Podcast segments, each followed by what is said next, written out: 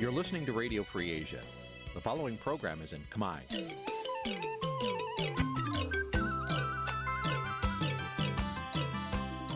នេះជាកម្មវិធីផ្សាយ Vuthu Azizi Serai នេះជាកម្មវិធីផ្សាយរបស់ Vuthu Azizi Serai ជាភាសាខ្មែរ Vuthu Azizi Serai សូមស្វាគមន៍លោកអ្នកនាងទាំងអស់ពីរដ្ឋធានី Washington នៃសហរដ្ឋអាមេរិក បាទប្រធានាទីវ៉ាស៊ីនតោនខ្ញុំបាទទីនសាករិយាសូមជម្រាបសួរលោកនាងកញ្ញាទាំងអស់ជាទីមេត្រីយើងខ្ញុំសូមជូនកម្មវិធីផ្សាយសម្រាប់ព្រឹកថ្ងៃអង្គារ12រោចខែមករាឆ្នាំខាលចត្វាស័កពុទ្ធសករាជ2566ត្រូវនៅថ្ងៃទី20ខែធ្នូគ្រិស្តសករាជ2022បាទជំនុំនេះសូមអញ្ជើញលោកនាងកញ្ញាស្ដាប់ព័ត៌មានប្រចាំថ្ងៃដែលមានមេត្តាដូចតទៅ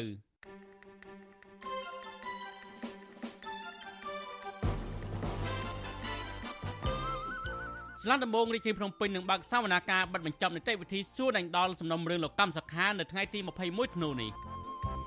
IMF ប្រមានពីហានិភ័យដល់កំណើនសេដ្ឋកិច្ចកម្ពុជាដោយសារតែការកើនឡើងនៃបំណុលឯកជនរដ្ឋាភិបាលជាង190ប្រទេសអនុម័តកិច្ចព្រមព្រៀងការពារជីវៈចម្រុះត្រឹមឆ្នាំ2023របស់អង្គការសហប្រជាជាតិ ក្រុមអង្គការសង្គមស៊ីវិលបន្តធ្វើយុទ្ធនាការរួមបង្ហោះ Facebook ទាមទារឲ្យដោះលែងកញ្ញាឈឹមស៊ីធរួមនឹងព័ត៌មានសំខាន់សំខាន់មួយចំនួនទៀត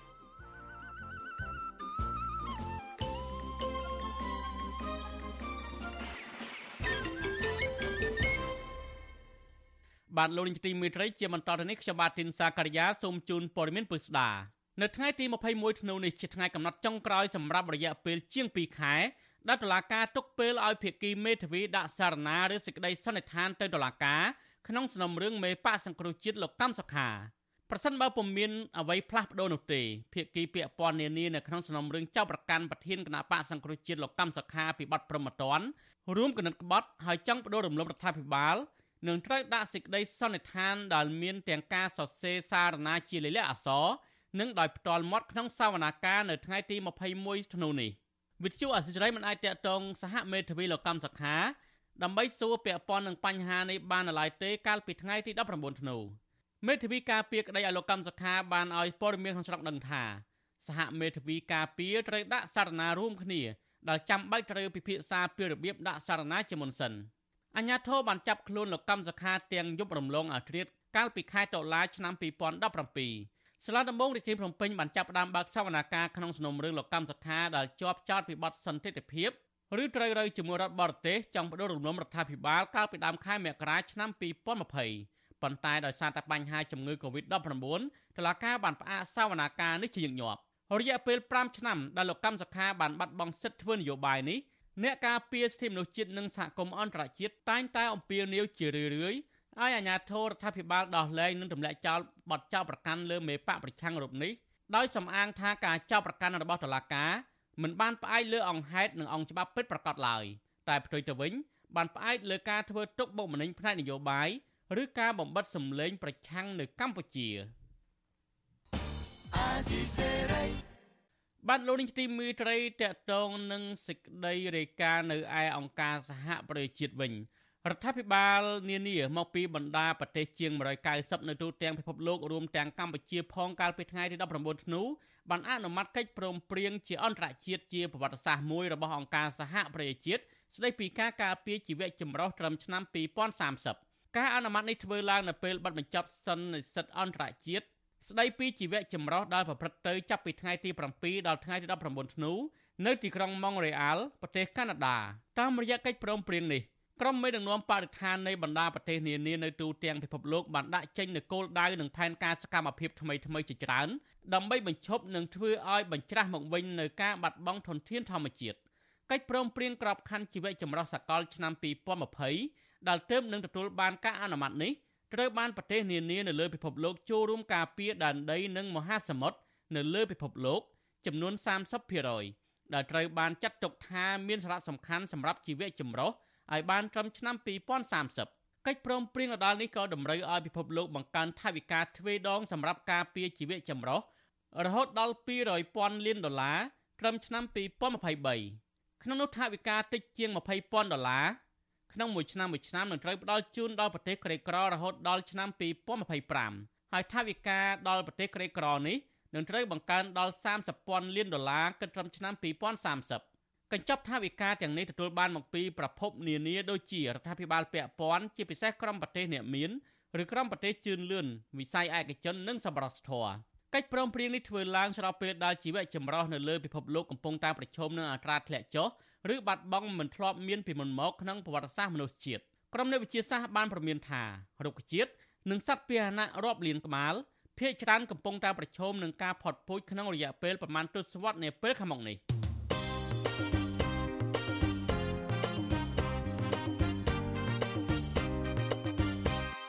បាទលោកនេះទីមួយត្រីតកតងនឹងហានិភ័យសេដ្ឋកិច្ចនៅឯប្រទេសកម្ពុជាឯនេះវិញមូលនិធិរំពៃវត្ថុអន្តរជាតិ IMF បានព្យាករថាកំណើនសេដ្ឋកិច្ចកម្ពុជាក្នុងឆ្នាំ2022នេះអាចនឹងសម្រេចបានតែ5%ហើយនឹងកើនដល់ជិត5.5%នៅក្នុងឆ្នាំ2023ខាងមុខ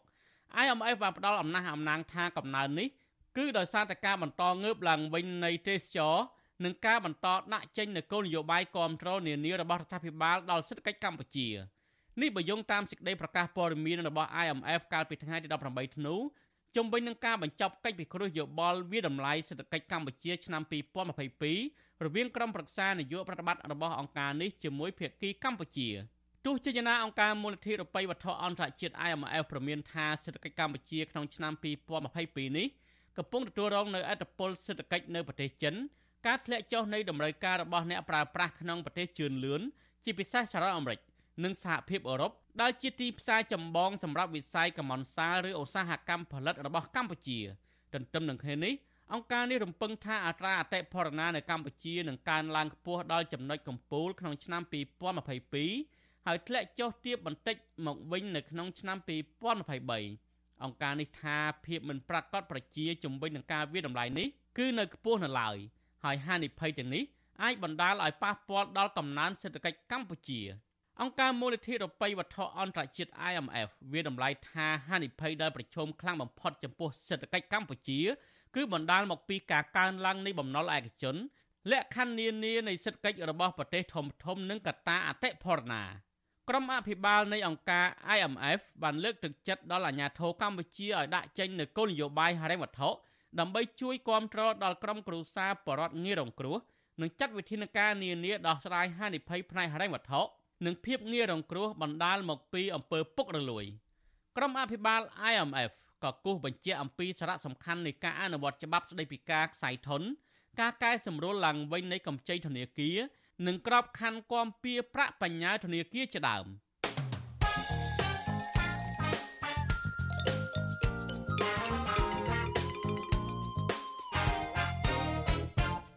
បាទលោកនេះជាទីមួយត្រីវិទ្យុអសិរ័យផ្សាយតាមរលកធាតុអាកាសខ្លីឬ Shortwave តាមកម្រិតនិងកម្ពស់ដូចតទៅនេះ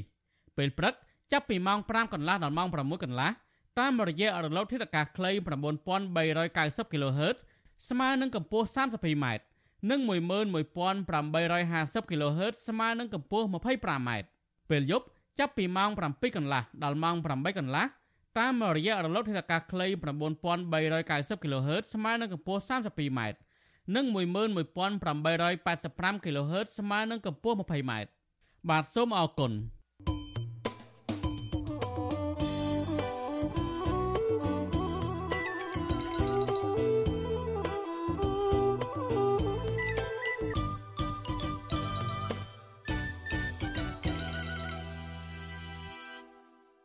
បាទលោកនាងជាទីមេត្រីតកតងទៅនឹងអ្នកទោសនយោបាយដែលកំពុងតែជាប់ឃុំឃាំងនៅឯពន្ធនាគារឯនេះវិញសមាគមគ្រូបង្រៀនកម្ពុជាអាយក្រិចបានដាក់លិខិតជូនដំណឹងដល់សាលារាជធានីភ្នំពេញដើម្បីប្រមូលផ្ដុំគ្នាប្រមាណជា100នាក់នៅទីលានប្រជាធិបតេយ្យនិងដើរហាយក្បួនក្នុងក្រុងភ្នំពេញទាមទារអរដ្ឋាភិបាលដោះលែងសកម្មជននយោបាយនិងសកម្មជនដទៃទៀតមន្ត្រីអង្គការសង្គមស៊ីវិលគាំទ្រចំពោះការទាមទារនេះ និងស្នើដល់រដ្ឋាភិបាលឲ្យបើកលំហប្រជាធិបតេយ្យឡើងវិញ។សមាគមគ្រូបង្រៀនកម្ពុជាអាយក្រិចកាលពីថ្ងៃទី16ធ្នូដាក់លិខិតទៅកាន់សាលារាជធានីភ្នំពេញដើម្បីជូនដំណឹងទុកជាមុនពីការប្រមូលផ្ដុំគ្នានៅទីលានប្រជាធិបតេយ្យនាថ្ងៃទី30ធ្នូខាងមុខលិខិតជូនដំណឹងនេះសមាគមគ្រូបង្រៀនកម្ពុជាអាយក្រិចក៏ក្រុងនឹងដើរដង្ហែក្បួនដាក់ញត្តិទៅដល់សាលាដំបងរាជធានីភ្នំពេញនិងខុតកាឡៃលោកនាយករដ្ឋមន្ត្រីហ៊ុនសែនដើម្បីទាមទារឲ្យស្ថាប័នទាំងនេះ ដោះលែងសកម្មជននយោបាយសកម្មជនសង្គមនិងសហជីពប្រធានសមាគមគ្រូបង្រៀនកម្ពុជាអាយក្រិចលោកស្រីអុកឆាយាវីប្រាប់វិទ្យុអាស៊ីសេរីនៅថ្ងៃទី19ធ្នូថាការតស៊ូមតិដោយសន្តិវិធីនេះនឹងមានការចូលរួមពីសាច់ញាតិបងប្អូនអ្នកជាប់ឃុំដែលជាសកម្មជននយោបាយសកម្មជនសង្គមសហជីពព្រមទាំងយុវជន គ្រូបង្រៀនអង្គការជាតិនិងអន្តរជាតិលោកស្រីបន្ថែមថាមូលហេតុដែលសមាគមគ្រូបង្រៀនកម្ពុជាអាយក្រិច ទាមទារឲ្យអាជ្ញាធរដោះលែងសកម្មជនទាំងនេះព្រោះពួកគេមិនបានប្រព្រឹត្តកំហុសដោយការចោទប្រកាន់របស់តុលាការនោះឡើយហើយសកម្មភាពបំពេញការងាររបស់ពួកគេកន្លងមកគឺធ្វើឡើងក្នុងន័យលើកកម្ពស់សិទ្ធិមនុស្សនិងលទ្ធិប្រជាធិបតេយ្យនៅកម្ពុជាតែប៉ុណ្ណោះយើង មិនឈរអោបដៃមើលលោកគ្រូដែលជាសមាជិករបស់សមាគមជាប់ពន្ធនាគារដោយអយុត្តិធម៌នោះទេហើយជាពិសេសទៀតអ្នកទោសនយោបាយទាំងអស់មិនមែនប្រព្រឹត្តអំពើដូចអ្វីដែលតឡាការបានចោទប្រកាន់អញ្ចឹងយើងមិនអោបដៃមើលទេក្នុងនាមយើងជាបញ្ញវន្តយើងឃើញថាអយុត្តិធម៌យើងត្រូវតែទៀមទាឲ្យពួកគាត់វិទ្យុអាស៊ីសេរីមិនអាចតាក់ទងអ្នកនាំពាក្យសាលាក្រុងភ្នំពេញលោកមេតមាសភក្តីដើម្បីសំសួរអំពីបញ្ហានេះបានឡើយទេនៅថ្ងៃទី19ធ្នូទោះជាយ៉ាងណាលោកស្រីអុកឆៃយាវីបញ្ជាក់ចំហថាបើទោះបីជាសាលារដ្ឋាភិបាលភ្នំពេញមិនអនុញ្ញាតក៏ដោយក៏សមាគមគ្រូបង្រៀនកម្ពុជាអាយក្រិចនិងប្រមូលផ្ដុំគ្នាសម្ដែងមតិនិងដើរដង្ហែញ៉ាត់ដែរជុំវិញនឹងរឿងនេះនាយកទទួលបន្ទុកកិច្ចការទូតនៅអង្គការលីកាដូលោកអំសំអាតគាំទ្រសកម្មភាពទៀមទារបស់គ្រូបង្រៀនកម្ពុជាឯករាជ្យកម្ពុជាលោកបន្ថែមថាការឃុំខ្លួនរបស់សកម្មជននាពេលកន្លងមក មិនបានឆ្លុះបញ្ចាំងពីការលើកកម្ពស់នីតិរដ្ឋនោះឡើយផ្ទុយទៅវិញការបន្តឃុំខ្លួនសកម្មជនទាំងនេះបង្ហាញពីភាពទន់ខ្សោយក្នុងការអនុវត្តច្បាប់ប្រកបដោយយុត្តិធម៌នៅកម្ពុជាទៅវិញទេលោកអំសំអាតបន្ថែមថាបើទោះបីជាសាលារដ្ឋាភិបាលភ្នំពេញមិនអនុញ្ញាតក្តីក៏សមាគមគ្រូបង្រៀនកម្ពុជាអាយក្រិចនៅតែអាចប្រមូលផ្ដុំមនុស្សនិងដើរដង្ហែញ៉ាត់បានព្រោះសកម្មភាពរបស់ពួកគេធ្វើឡើងដោយអហិង្សានិងស្របតាមរដ្ឋធម្មនុញ្ញ ខ្ញុំយល់ថានេះជាសិទ្ធិភាពរបស់ប្រជាពលរដ្ឋនៅក្នុងការបញ្ចេញមតិឬក៏ការទីទីណាព្រោះនៅក្នុងរដ្ឋធម្មនុញ្ញមាត្រា35ស្ថានភាពទី2ទីពីសំណើ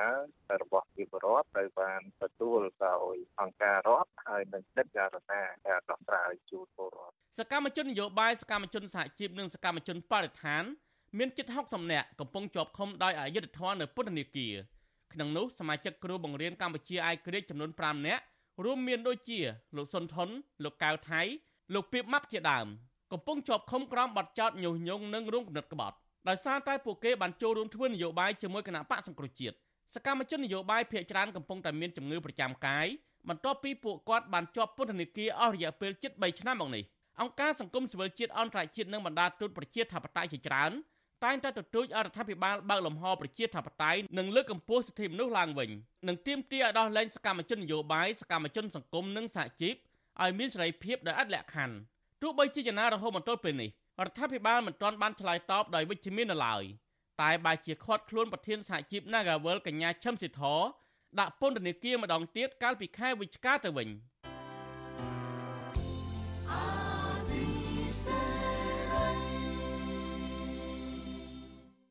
បានលោកនេះទីមេត្រីតេតតងនឹងការចាប់ឃុំខ្លួនកញ្ញាឈឹមស៊ីថនេះដែរក្រុមអង្គការសង្គមស៊ីវិលជាង10ស្ថាប័នបន្តធ្វើយុទ្ធនាការបង្ហោះសារតាមបណ្ដាញសង្គម Facebook រាល់សប្តាហ៍ដើម្បីទាមទារឲ្យដោះលែងកញ្ញាឈឹមស៊ីថដែលកំពុងតែជាប់ឃុំក្នុងពន្ធនាគារ3សប្តាហ៍មកហើយក្រុមអង្គការសង្គមស៊ីវិលទាំងនោះរួមមានសមាគមការពារសិទ្ធិមនុស្សអាត6អង្គការ Central និងអង្គការ Liga do ជាដើមអ្នកនាំពាក្យសមាគមអាត6លោកសឹងសានករណាប្រាប់វិទ្យុអាស៊ីសេរីនៅថ្ងៃទី19ធ្នូថា ការចាប់ខ្លួនកញ្ញាឈឹមស៊ីធគឺជាការអនុវត្តច្បាប់មិនត្រឹមត្រូវហេតុនេះទើបក្រុមអង្គការសង្គមស៊ីវិលបន្តធ្វើយុទ្ធនាការនេះ ដើម្បីឲ្យស្ថាប័នពាក់ព័ន្ធពិនិត្យសំណុំរឿងនេះឡើងវិញហើយការដែលឃុំខ្លួននេះវាជាបញ្ហាបន្ថែមបន្ទុកទៅលើ បញ្ហារវាង Nagawal និងកោតកោទៅវិញទេវាមិនមែនជាដំណោះស្រាយឡើយអញ្ចឹងកាលណាបន្ថែមបញ្ហាទៅទៀតនេះវាដំណោះស្រាយនឹងនឹងមិនអាចកើតមានឡើងឡើយចឹងសូមពិនិត្យមើលពីស្ថាប័នពាក់ព័ន្ធនានាជាពិសេសក្រសួងយុតិធធក្រុមអង្គការសង្គមស៊ីវិលទាំងនោះបានបង្ហោះសារភ្ជាប់រូបភាពក្រុមបាតកោកាន់បាដាធ្វើកោតកម្ម ជំរុញឲ្យតុលាការដោះលែងកញ្ញាឈឹមស៊ីធតំណាងសហជីពកម្មករក្រុមហ៊ុន Nagavel តុលាការក្រុងភ្នំពេញបានចោទប្រកាន់កញ្ញាឈឹមស៊ីធពីបទញុះញង់ឲ្យប្រព្រឹត្តបទអក្រិតជាអាតពាក់ព័ន្ធនឹងអំពើកោតកម្មអហិង្សារបស់ក្រុមកោតក្រ Nagavel អាញាធរបានចាប់មេសហជីពរំនេះដាក់ពន្ធនាគារលើកទី1កាលពីខែមករាហើយដោះលែងវិញនៅក្រៅឃុំនៅខែមីនាមុននឹងចាប់ខ្លួននាងជាថ្មីម្ដងទៀតនៅថ្ងៃទី26វិច្ឆិកាថ្មីថ្មីនេះ ក្រុមអង្គការទាំងនោះបានចាត់ទុកការចាប់ខ្លួនកញ្ញាឈឹមស៊ីធដោយលើកយកមូលហេតុថាកញ្ញាមិនបានគោរពលក្ខខណ្ឌដាក់ឲ្យនៅក្រោមការត្រួតពិនិត្យតាមផ្លូវតុលាការនៅពេលដែលកញ្ញាមិនដែលទទួលបានការជន់ដំណឹងពីអាជ្ញាធរតុលាការអំពីលក្ខខណ្ឌទាំងនោះគឺជាការរំលោភសិទ្ធិមនុស្សយ៉ាងធ្ងន់ធ្ងរពួកគេទាមទារឲ្យតុលាការដោះលែងកញ្ញាឈឹមស៊ីធជាបន្ទាន់និងដោយឥតលក្ខខណ្ឌ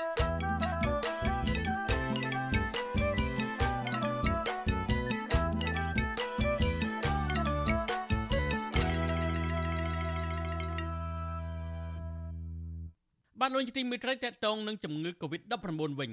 ក្រសួងសុខាភិបាលកាលពីថ្ងៃទី19ធ្នូបានចេញសេចក្តីរំលឹកអំពីនីវដល់សាធារណជនឲ្យប្រុងប្រយ័ត្នចំពោះបញ្ហាសុខភាពគឺការឆ្លងជំងឺ Covid-19 ក្នុងអំឡុងពេលអាកាសធាតុចុះត្រជាក់ក្រសួងសុខាភិបាលសង្កេតឃើញថាការឆ្លងរាលដាលជំងឺ Covid-19 នៅលើពិភពលោកបានងើបឡើងវិញជាពិសេសមេរោគពពួកអូមីក្រុង នៅតែបន្តបំផ្លាញខ្លួនរបស់វាជាបន្តបន្ទាប់ ការបន្តបំផ្លាញខ្លួនបែបនេះធ្វើឲ្យមេរោគមានលទ្ធភាពឆ្លងគ្រប់ពេលវេលានិងគ្រប់ទីកន្លែងក្រសួងសុខាភិបាលអំពាវនាវដល់ប្រជាពលរដ្ឋឲ្យបន្តពាក្យម៉ាស់លាងដៃញឹកញាប់រក្សាកម្រិត1ម៉ែត្រកន្លះពីគ្នាកុំប៉ះពាល់ឬចាប់ដៃគ្នាឲ្យបន្តចាក់វ៉ាក់សាំង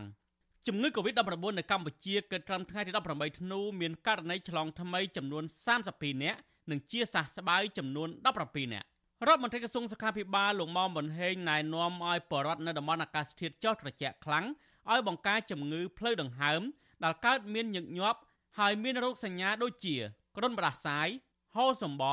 រលាកបំពង់កក្អកនិងរលាកពោះវៀនជាដើមប្រញាប់ទៅពេទ្យរកការព្យាបាលបើលោកអ្នកនាងមានរោគសញ្ញាពិបាកដកដង្ហើមគ្រុនក្តៅក្អកឈឺកនិងឈឺសាច់ដុំឬសង្ស័យថាមានជំងឺ Covid-19 ដើម្បីបង្ការកុំឲ្យឆ្លងទៅដល់អ្នកដទៃនិងសហគមន៍កុមារទារកនិងមនុស្សមានវ័យចំណាស់មានហានិភ័យខ្ពស់ចំពោះការទប់ទល់អាកាសធាតុត្រជាក់ដោយសារតែរាងកាយពួកគាត់បាត់បង់កម្ដៅសូមស្លៀកពាក់ឬក្របដណ្ដប់ពួកគាត់ឲ្យបានច្រើនជាន់ឲ្យបានកក់ក្ដៅក្រសួងធនធានទឹកនិងអតុលនិយមកាលពីថ្ងៃទី16ធ្នូបានជូនដំណឹងថាចាប់ពីថ្ងៃទី18ដល់ថ្ងៃទី20ធ្នូអាកាសធាតុចុះត្រជាក់ខ្លាំងជាពិសេសនៅតំបន់ភ្នំជួរភ្នំដងរែក និងកំពង់រាបភាគឦសាន ដូចជាខេត្តមណ្ឌលគិរីរតនគិរីព្រះវិហារឧត្តរមានជ័យនិងខេត្តបៃលិនជាដើម។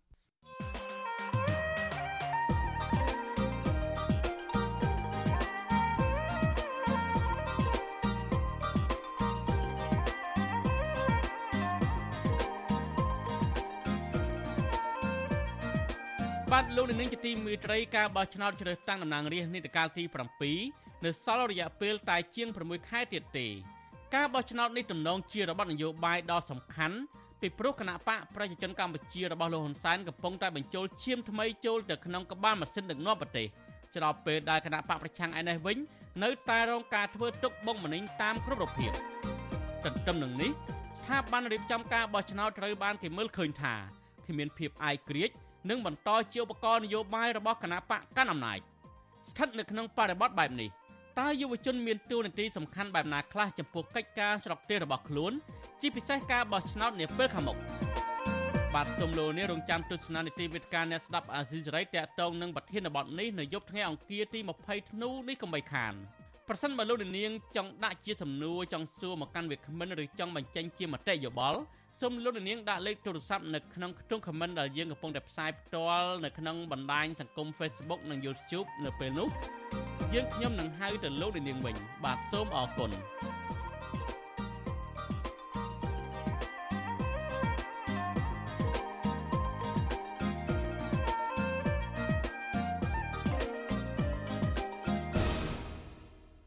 ាទលោកនាងទីមេត្រីនៅខេត្តបាត់ដំបងឯនោះវិញអាជីវករលក់ដូរមួយចំនួននៅផ្សារស្រុកកំរៀងខេត្តបាត់ដំបងរិះគន់អាជ្ញាធរនិងគណៈកម្មការផ្សារថាអសមត្ថភាព ក្នុងការដោះស្រាយបញ្ហាទឹកកខ្វក់សម្រាមនិងសណ្ដាប់ធ្នាប់ផ្សារ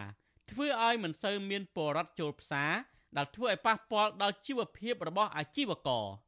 មន្ត្រីសង្គមស៊ីវិលយល់ឃើញថាអាជ្ញាធរពាក់ព័ន្ធគួរតែបង្កើតគណៈកម្មការដោះស្រាយចោះត្រួតពិនិត្យវាតម្លៃការខូចខាតនិងផលប៉ះពាល់ដល់សុខភាពប្រជាពលរដ្ឋ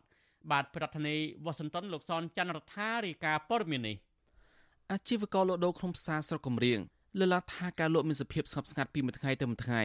ដោយសារមានស្ថានភាពទឹកកខ្វក់ការដាក់សម្រាមអាណាធិបតេយ្យហើយមានទឹកដក់ដែលធ្វើឲ្យមានក្លិនស្អុយប៉ះពាល់ដល់សុខភាពនិងការលក់ដូររបស់ពួកគេអាជីវករលក់ដូរនៅផ្សារសុកកំរៀងសូមឲ្យមានឈ្មោះប្រាប់វិទ្យុអេស៊ីសរ៉ៃថ្ងៃទី19ខែធ្នូថាលោកចូលលក់ដូរក្នុងផ្សាររយៈពេលប្រមាណ5ឆ្នាំមកហើយមិនដែលមានបញ្ហាបរិស្ថានកខ្វក់ដោយសពថ្ងៃនេះទេលោកបន្តថាសពថ្ងៃនេះផ្សារមានសភាពទ្រុឌទ្រោម ដំបូលធ្លុះធ្លាយមានដក់ទឹក ហើយទឹកកខ្វក់ពេញផ្លូវជុំវិញផ្សារដែលធ្វើប៉ះពាល់ដល់សុខភាពទាំងអាជីវករនិងពលរដ្ឋនៅក្បែរនោះអាជីវកររូបនេះថាលោកធ្លាប់រៀបការប្រាប់ប្អូនរបស់ប្រធានផ្សារដែលជានាយកបស៊ីដែរប៉ុន្តែគ្មានដំណោះស្រាយទេលោកថាចំណាយអាញាធោស្រុកគម្រៀងវិញមិនដែលគេគូពីការប៉ះពាល់បែបនេះទេ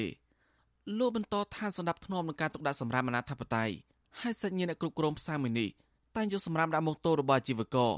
ដែលធ្វើប៉ះពាល់ដល់កន្លែងប្រកបអាជីវកម្មរបស់ពួកគេទៀត ប្រាប់អ្នកពីប្រស៊ីប្រាប់អីទៅគាត់ថាគេប្រាប់ដែរប៉ុន្តែបងគាត់នៅតែប្រទេសដាក់គេអាងបងមកគេប្រធានផ្សារអញ្ចឹងគេធ្លាប់ប្រាប់មកអីដែរហើយតែគេអត់ធ្វើតាមគេនៅតែដាក់ទឹកមកជាហៀងឲ្យយើងដើរណាតែគាត់ថាវាក្រក់មើលវាពិបាកដើរអញ្ចឹងហើយវាតែឆ្មាវាមកជុះអាចជុះនោមអញ្ចឹងទៅវាអត់អនាម័យវាចំទៅភ្លៀងតោវាលិចមកវាធ្លាក់មកទឹកកណាត់របស់យើងទឹកអីពិបាកលើកទឹកលើកដាក់អីចឹងដែរបងហើយយើងជូតតូបជូតអីចឹងទៅវាស្ទាតចូលតូបហើយអាពាក់ព័ន្ធនោះទឹកអុយនោះអីហ្នឹងគេអ្នកនៅជ្រុងជ្រុងហ្នឹងគេអត់ហ៊ានប្តឹងទៅអ្នកណាមួយទេអង្គការណាមួយទេពីព្រោះអីគេខ្លាចនិយាយមួយម៉ាត់គឺគេខ្លាចស្រដៀងគ្នានេះអាជីវករម្នាក់ទៀតលើកឡើងថាផ្សារគម្រៀងពិតជាមានដក់ទឹកស្អុយនៅលើផ្លូវហើយប៉ះពាល់ដល់សុខភាពរបស់អាជីវករនិងប្រមមួយចំនួននៅក្បែរនោះលោកបន្តថាសម្រាប់ការប្រើប្រាស់ភ្លើងលោកសង្កេតឃើញថាមានការកើនឡើងខុសប្រក្រតីចិត្តបកដាការប្រើប្រាស់ពីមុនហើយកន្លងមកអាជីវករធ្លាប់តវ៉ាដែរប៉ុន្តែគ្មានដំណោះស្រាយទេ សាររៀបចំឲ្យស្អាតបន្តិចមកព្រោះបស៊ីអីយើងវាយើងគាត់ឡើងថ្លៃឡើងអីយើងគាត់តែតវ៉ាឲ្យដែរគាត់ថាតាក់ដកតែអូលិចឲ្យបស៊ីយើងបិទទ្វារអត់បានទេតែបិទទ្វារក៏មួយថ្ងៃអស់ជាង10000ហើយបស៊ីអាណាម័យនឹងគីឡូភ្លើងក៏ឡើងថ្លៃអីឡើងថ្លៃអូយបងឲ្យទឹកស្អុយហ្មងបើទឹកដក់ហូរកាត់ផ្លូវហ្មងយើងប្រាប់គាត់រហូតមិនអស់អត់អត់រវល់ផងបើយើងចង់ប្តឹងអាជ្ញាធរទៅប្តឹងមិនកើតបើអាចបាក់ស្រុកអីសភិហ៊ុនសាគេក្រុមអាជីវករស្នាអាជ្ញាធរ គួរសហការជាមួយប្រធានផ្សារនិងគណៈកម្មការផ្សារដើម្បីដោះស្រាយបញ្ហាបរិស្ថានកខ្វក់ជំវិញផ្សារមួយនេះហើយជួសជុលប្រព័ន្ធលូដំបូលផ្សារនិងត្រួតពិនិត្យឡើងវិញនៅគីឡូគីសនីដែលមិនប្រក្រតីពលរដ្ឋលើកឡើងថាកន្លងមកពួកគេធ្លាប់ប្រាប់តែអាជ្ញាធរដែរក៏ប៉ុន្តែគ្មានវិធានការអ្វីទេវិទ្យុអេស៊ីសរ៉ៃមិនអាចតតងប្រធានផ្សារស្រុកកំរៀងដើម្បីសុំការបកស្រាយអំពីរឿងនេះបានទេ នៅថ្ងៃទី19ខែធ្នូចំណែកប្របាលស្រុកកំរៀងលោកសុកដែនប្រាប់វិទ្យុអេស៊ីសរ៉ៃថាបញ្ហានេះ លោកបានចោទទៅត្រួតពិនិត្យម្ដងរួចមកហើយកាលពីខែវិច្ឆិកាហើយមានគម្រោងសាងសង់និងជួសជុលរួចហើយប៉ុន្តែខាងផ្សារលើកឡើងថាចាប់ផ្ដើមអនុវត្តគម្រោងដើមឆ្នាំ2023ពាក់ព័ន្ធនឹងភ្លើងគឺក្រុមហ៊ុនមុនជំពាក់ថ្លៃភ្លើងក្រុមហ៊ុនថៃដោយប្រើប្រាស់កុងទ័រខូចហើយខាត់បងរត់បាត់ទើបក្រុមហ៊ុនថៃដេញថ្លៃយកហើយប្រដូរកុងទ័រស្វ័យប្រវត្តិថ្មីចំណែកបញ្ហាកុងទ័រកើនឡើងខ្លាំងលោកថាលោកឲ្យខាងបច្ចេកទេសត្រួតពិនិត្យឡើងវិញ។ ទឹកលូប្រព័ន្ធលូហ្នឹងគឺខាងនៅខាងផ្ទះពលរដ្ឋទេហើយទឹកដែលហូរចូលហ្នឹងគឺហូរទៅពីផ្សារលក់ត្រីអាលក់បន្លែលក់ត្រីផ្សារហ្នឹងវាមិនមែនជាផ្សារ KOD ទេគ្រាន់តែអ្នកស្គាល់គ្នាគេសុំដាក់កន្លែងគេជួលតូបជួលអីដែរឥឡូវខាង KOD គេរៀបចំបិទអត់ឲ្យផ្សារពីរហ្នឹងដំណើរការទេព្រោះកន្លងមកវាមានបញ្ហាណាក់លើហើយដូចអ្នកកសែតអ្នកអីហ្នឹងយល់ច្រឡំថាផ្សារ KOD ទាំងអស់ហើយអត់អីទេផ្សារហ្នឹងគឺអាកន្លែងពីដានធ្លុះអីហ្នឹងគឺមានកម្រងជួសជុលហើយប៉ុន្តែគ្រាន់តែយើងថាជួសជុលជួសជុលភ្លាមវាយើងទៅរលុយណាតន់លោកឲ្យទៅផុតពី COVID ផងហើយមួយរយៈកូវីដហ្នឹងបិទផ្សារហ្នឹងមួយរយៈដែរហ្នឹងផ្សារកំរៀងនៅក្នុងភូមិអូដាលើឃុំបឹងរាំងស្រុកកំរៀងខេត្តបាត់ដំបងផ្សារនេះមានជីវករលក់ដូរជិត400តូបហើយមានផ្ទះរបស់បរតលក់ដូរជំវិញអមសងខាងផ្សារច្រើនខ្នងជុំវិញរឿងនេះអ្នកសម្របសម្បូរផ្នែកខ្លមើលការរំលោភសិទ្ធិមនុស្សនៃអង្គការលីកាដូប្រចាំខេត្តបាត់ដំបងលោកអិនកុនចិនមានប្រសាសន៍ថាញាធោស្រុកកំរៀងគួរបង្ការក្រុមការងារមួយចោះត្រួតពិនិត្យវិតម្លៃពីការរៀបចំសដាប់ធ្នាប់ និងផលប៉ះពាល់ដល់សុខភាពរបស់ប្រជាពលរដ្ឋលោកថាចំណាយខែគិសនីខេត្តបាត់ដំបងវិញគួរចុះត្រួតពិនិត្យមើលភាពមិនប្រក្រតីពាក់ព័ន្ធកុងទ័រគិសនីលោកបន្តថាជីវករតែងបងប្រាក់ឈ្នួលតូបនិងពីស៊ីផ្សារហើយម្ចាស់ផ្សារគួរតែទទួលខុសត្រូវក្នុងការថែទាំផ្សារនិងសុខភាពបរិស្ថានផ្សារ ក្នុងមួយឆ្នាំមួយឆ្នាំម្ចាស់ផ្សារគាត់គិតទៅពីតម្លើងតម្លៃឈ្នួលតូបដោយលើកយកករណីថ្លៃអនាម័យថ្លៃសន្តិសុខប៉ុន្តែករណីដែលអាជីវករលក់ដូររាល់ថ្ងៃដែលគាត់ត្អូញត្អែហ្នឹងថាទំបីតែតូបដែលខូចខាតត្រូវជួសជុលត្រូវដាក់បន្ទុកលើពួកគាត់ទៀតហើយចំណែកម្ចាស់ផ្សារអត់មានបានកែលម្អតូបទាំងនោះឲ្យមានភាពប្រសើរឡើងនោះឡើយចំណែកអនាម័យហើយនឹងការរៀបចំប្រព័ន្ធលូទឹកស្អុយនៅផ្នែកខាងក្រោមហ្នឹងក៏រៀបចំមិនបានត្រឹមត្រូវដែរដោយករណីនេះម្ចាស់ផ្សារគួរតែមានការគិតគូរខ្ពស់រៀបចំឲ្យមានសណ្ដាប់ធ្នាប់ឲ្យមានសុផនភាពប្រកបដោយអនាម័យដើម្បីតេទៀងទេសចរឬក៏អ្នកដែលគាត់ចង់ចូលទៅទិញអីវ៉ាន់នៅក្នុងផ្សារហ្នឹងអាជីវករនិងសង្គមស៊ីវិលស្នើដល់អាជ្ញាធរពាក់ព័ន្ធគូរត់ដំណោះស្រាយបញ្ហានេះឲ្យបានឆាប់ដោយការលម្អផ្សារផ្លូវជាមួយផ្សារហើយត្រួតពិនិត្យស្តង់ដារកុងទ័រភ្លើងឲ្យបានត្រឹមត្រូវដើម្បីជួយដល់សុខុមាលភាពនិងការរស់នៅរបស់ប្រជាពលរដ្ឋនៅបននោះខ្ញុំសនចាររថាវិទ្យុអេស៊ីសរ៉ៃរាយការណ៍ពីរដ្ឋធានីវ៉ាស៊ីនតោន បានលោកនាយទីមេត្រីតកតងនឹងការកាប់ព្រៃនៅឯខេត្តកំពង់ស្ពឺឯនេះវិញព្រៃសហគមន៍អដស្រ័យពោះទំហំ400ហិកតាដែលក្រមមន្ត្រីយោធាង70ឈូសឆាយកំទេចក្រមតម្រង់ផ្ដាល់ដីសម្បត្តិសង្គមកិច្ចជូនគ្រួសារកងទ័ពពេលនេះកំពុងតែបន្តទទួលរងការដុតកំទេចក្រមយុវជនខ្មែរថាវរៈនិងប្រជាសហគមន៍រកឃើញភាពមិនប្រក្រតីបន្ថែមទៀតតាក់ទងនឹងការទិញលក់ដីខុសច្បាប់នៅតំបន់នោះបាទប្រធានាធិបតីវ៉ាស៊ីនតោនលោកមានរិទ្ធរាយការណ៍ព័ត៌មាននេះ ក្រមយុវជនខ្មែរថាវរៈនិងប្រជាសហគមន៍រស់នៅភូមិពោមាសឃុំតាពាំងចូលស្រុកអរ៉ាល់បញ្ចេញប្រតិកម្មទៅនឹងការដុតគំនរឈើអស់ជាច្រើនហិកតាស្ថិតនៅក្នុងដីព្រៃសហគមន៍ឧត្តមស្រែពោះដែលមិនទាន់ដោះស្រាយរួចរាល់នៅឡើយ ក្រមយុវជនខ្មែរថាវរៈនិងប្រជាសហគមន៍បានចុះទៅដល់ទីតាំងដីមានចំនួននោះប្រទះឃើញសកម្មភាពដុតកំទេចគំនរឈើធំធំ កាលពីយប់ថ្ងៃទី18ខែធ្នូដែលមានគ្រឿងចាក់ឈូសឆាយសមាតដី ដើម្បីត្រៀមដាំដើមដូងគ្រប់គ្រងជាកម្មសិទ្ធិឯកជន របស់ក្រុមអ្នកមានអំណាចតំណាងក្រមយុវជនខ្មែរថាវរៈម្នាក់លោកស្វាយសំណាងប្រាវិសុយស៊ីស្រីនៅថ្ងៃទី19ខែធ្នូថា ពលលោកប្រទះឃើញដើមឈើធំធំ ដែលត្រូវគេឈូសឆាយផ្ដួលរលំអស់ជាច្រើនខែមកហើយហើយបន្តដុតកំទេចចោលអស់ប្រមាណ3ហិកតា នៅយប់ថ្ងៃទី18ខែធ្នូលោកសើបដឹងថាទីតាំងឈូសឆាយនិងដុតកំទេចកំណរឈើមានផ្នែកខ្លះជាកម្មសិទ្ធិរបស់ក្រុមអ្នកមានលុយមានអំណាច ពុំមែនផ្ដោតដីសម្បត្តិសង្គមគិច្ចជូនក្រុមគ្រួសារយោធានោះឡើយ។ព្រោះដីនេះគឺជាដីទំនាស់របស់សហគមន៍ឧត្តមស្រែពោះជាមួយនឹងកងរថក្រោះង70ហើយឥឡូវវាបែរចេញជាគេថាជាដីឯកជនផងតកែដីនៅនៅចិត្តកោះពេជ្រនេះទៅវិញខ្ញុំមើលឃើញថាពីសកម្មភាពការដុតរយៈពេលមួយថ្ងៃហ្នឹងគឺកំណោឈើហ្នឹងគឺដុតតែទៅជាផេះទាំងអស់ហើយបង ពជាសហគមន៍បានដឹងថាព្រៃសហគមន៍ឧត្តមស្រែពោះឬព្រៃមេតាធម្មជាតិសម្បូរទៅដោយដើមឈើធំធំ និងជំរកសត្វព្រៃត្រូវបានក្រមយោធាង70ឈូសឆាយកំទេចចោលអស់ជិត400ហិកតា នៅរយៈពេលជាង6ខែចុងក្រោយនេះហើយមកទល់ពេលនេះព្រៃអភិរក្សនេះនៅសល់តែជាង30ហិកតាប៉ុណ្ណោះអ្នកភូមិថាកុដអាស្រម និងដើមឈើតូចធំដុះជុំវិញវត្តមេតាធម្មជាតិ ក៏ត្រូវបានគេឈូសឆាយនិងដុតកំទេចចោលអស់ដែររីឯដើមជ្រៃនិងដើមឈើទាលដែលផ្ដល់មលុបស្រស់បំព្រងតាក់ទាញភ្ញៀវទេសចរនិងជាកន្លែងអ្នករក្សាសិលស្នាក់អាស្រ័យក៏ត្រូវបានគេឈូសឆាយបំផ្លាញចោលអស់ដែរតំណាងសហគមន៍ម្នាក់លោកសុកលីចាត់ទុកគម្រោងផ្ដោតដីសម្បត្តិសង្គមគិច្ចនេះថាគឺជាល្បិចបំផ្លាញប្រៃឈើដើម្បីយកដីលក់បំរើផលប្រយោជន៍បុគ្គលលោកបន្តថាកន្លងទៅ អ្នកភូមិរាប់ពាន់នាក់ បានលើកគ្នាតវ៉ាឲ្យបញ្ឈប់សកម្មភាពឈូសឆាយដីព្រៃសហគមន៍នេះក៏ប៉ុន្តែមិនត្រឹមតែគ្មានដំណោះស្រាយនោះទេគឺពលរដ្ឋយ៉ាងហោចណាស់ជាង10នាក់បានទទួលរងនឹងការគំរាមកំហែងការប្រើអំពើហិង្សានិងជាប់បណ្ដឹងនៅតុលាការជាបន្តបន្ទាប់ចំណែកឯអាជ្ញាធរហាក់យឺតយ៉ាវនៅក្នុងការចុះអន្តរាគមន៍ទប់ស្កាត់ឲ្យបានទាន់ពេលវេលា ស្របពេលដែលព្រៃអភិរក្សនេះ ត្រូវបានគេឈូសឆាយអស់ជិត400ហិកតាទើបឃើញអាជ្ញាធរមានវិធានការតាមក្រោយសម្រាប់ប្រជាពលរដ្ឋយើងទាំងអស់គឺចង់បានទុកដីទុកព្រៃសម្រាប់ឲ្យប្រជាពលរដ្ឋយើងមូលដ្ឋានអត្រ័យផលការពារសម្រាប់ឲ្យសត្វព្រៃសត្វអីនៅនឹងមានភ្ញៀវទេសចរមកចូលលេងតែជាស្ដីឥឡូវអាឡែងពីស្រោងឈូសឆាយអស់លីងសត្វក៏រត់ខ្ចាត់ខ្ចាយខ្លះដែរ ឆ្លើយតបនឹងរឿងនេះអភិបាលខេត្តកំពង់ស្ពឺលោកវីសំណាង មានប្រសាសន៍ថាអាញាធរកំពុងប្រឹងប្រែងដោះស្រាយករណីនេះធ្វើយ៉ាងណាឲ្យប្រជាសហគមន៍មានប្រ័យសម្រាប់អាស្រ័យផលលោកបញ្ជាក់ថាអាញាធរខេត្តបានទទួលរបាយការណ៍ពាក់ព័ន្ធនឹងករណីនេះអស់ហើយនិងកំពុងរកមធ្យោបាយដោះស្រាយក៏ប៉ុន្តែត្រូវប្រើពេលបន្តិចខ្ញុំចង់និយាយរឿងដីសហគមន៍និយាយរឿង ហ្នឹងដែលយើងត្រូវខិតខំដោះស្រាយធ្វើយ៉ាងណាឲ្យប្រជាប្រដ្ឋសហគមន៍ហ្នឹងគាត់នៅតែមានព្រៃសម្រាប់អាស្រ័យផលអស់ជ័រវត្តជួងអាស្រ័យផ្ដៅរបស់គាត់នៅព្រៃអញ្ចឹងណារឿងហ្នឹងឯងយើងត្រូវគិតគូរកាលពីថ្ងៃទី26ខែតុលាកន្លងទៅរដ្ឋលេខាធិការនៃក្រសួងមហាផ្ទៃ លោកសកសិដ្ឋាបានផ្ញើលិខិតជូនអភិបាលខេត្តកំពង់ស្ពឺលោកវីសំណាងឲ្យជួយទប់ស្កាត់ការបំផ្លិចបំផ្លាញធនធានធម្មជាតិក្នុងព្រៃសហគមន៍ឧត្តមស្រែពោះពីសំណាក់អតីតបញ្ជាការដ្ឋានរថក្រោះកងទ័ពជើងគោកនិងបពពួកស្ថិតនៅក្នុងភូមិចំនួន3នៃឃុំតពាំងជោស្រុកអរ៉ាល់ក្រសួងមហាផ្ទៃស្នើឲ្យអភិបាលខេត្តរូបនេះចុះស្រាវជ្រាវនិងដោះស្រាយបញ្ហានេះផ្អែកតាមច្បាប់និងលិខិតបទដ្ឋាននានារួចឆ្លើយតបមកកាន់ក្រសួងវិញ ព្រៃសហគមន៍ឧត្តមស្រែពោះឬហៅថាព្រៃមេតាធម្មជាតិគឺជាផ្នែកមួយនៃដែនជម្រកសត្វព្រៃភ្នំអរ៉ាល់ហើយត្រូវបានចុះបញ្ជីទទួលស្គាល់ជាព្រៃអភិរក្សពីក្រសួងបរិស្ថាន កាលពីឆ្នាំ2002កាលពីខែសីហាឆ្នាំ2021កន្លងទៅ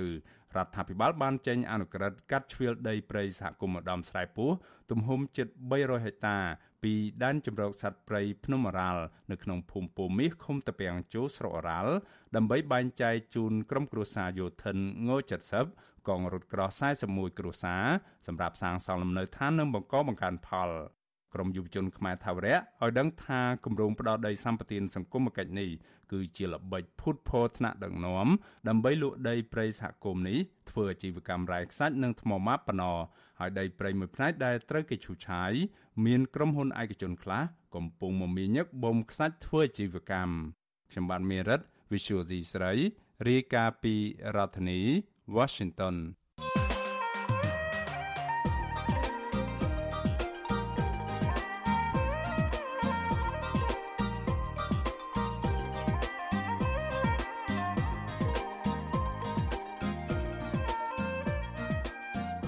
នាងជាទីមេត្រីការបោះឆ្នោតជ្រើសតាំងតំណាងរាស្ត្រនីតិកាលទី7នៅសល់រយៈពេលតែជាង6ខែទៀតទេការបោះឆ្នោតនេះទំនងជារបបនយោបាយដ៏សំខាន់ពីព្រោះគណៈបកប្រជាជនកម្ពុជារបស់លោកហ៊ុនសែនកំពុងតែបញ្ចូលឈាមថ្មីចូលទៅក្នុងក្បាលម៉ាស៊ីនដឹកនាំប្រទេសច្រកពេលដែលគណៈបកប្រឆាំងឯនេះវិញនៅតែរងការធ្វើទុកបុកម្នេញតាមគ្រប់រូបភាពទន្ទឹមនឹងនេះស្ថាប័នរៀបចំការបោះឆ្នោតត្រូវបានគេមើលឃើញថាគ្មានភាពអាយក្រិច និងបន្តជាឧបករណ៍នយោបាយរបស់គណៈបកកាន់អំណាចស្ថិតនៅក្នុងបរិបទបែបនេះតើយុវជនមានតួនាទីសំខាន់បែបណាខ្លះចំពោះកិច្ចការស្រុកទេសរបស់ខ្លួន ជាពិសេសការបោះឆ្នោតនាពេលខាងមុខបាទសូមលោកនេះរងចាំទស្សនានីតិវិទ្យាអ្នកស្ដាប់អាស៊ីសេរីតកតងនឹងប្រធានបទនេះនៅយប់ថ្ងៃអង្គារទី20ធ្នូនេះកុំបីខានប្រសិនបើលោកនាងចង់ដាក់ជាសំណួរចង់សួរមកកាន់វាគ្មិនឬចង់បញ្ចេញជាមតិយោបល់ សូមលោកនាងដាក់លេខទូរស័ព្ទនៅក្នុងខ្ទង់ comment ដែលយើងកំពុងតែផ្សាយផ្ទាល់នៅក្នុងបណ្ដាញសង្គម Facebook និង YouTube នៅពេលនោះយើងខ្ញុំនឹងហៅទៅលោកនាងវិញបាទសូមអរគុណ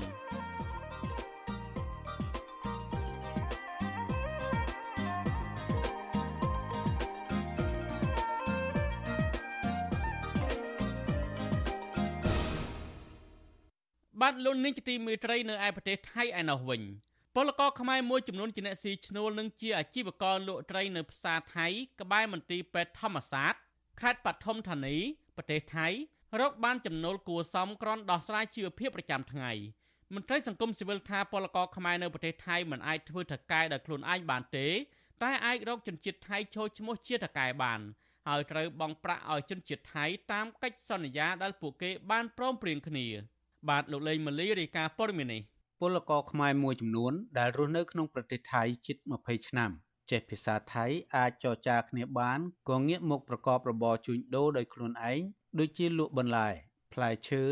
លក់បាយម្ហូបក្នុងនោះពលករមួយចំនួនទិញនិងលក់ត្រីកាក់កបគួសមហើយមានជីវភាពធូរធារជាងមុននិងអាចរកប្រាក់សងបំណុលធនាគារនិងផ្គត់ផ្គង់កូនរៀនបានគ្រប់គ្រាន់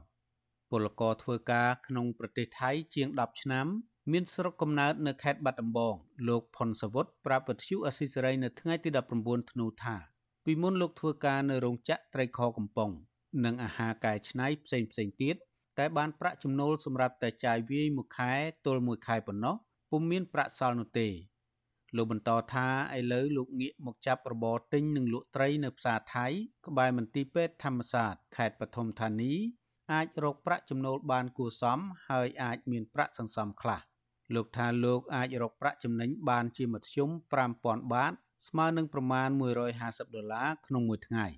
លោកអះអាងថាពលករខ្លះប្រកបរបរលក់ត្រីរហូតមានលុយទិញឡានទំនើបជិះក៏មានដែរអូច្រើនណាស់បងវាច្រើនវាច្រើនមែនទែនច្រើនណាស់សត្វតែខ្មែរយើងបងឯង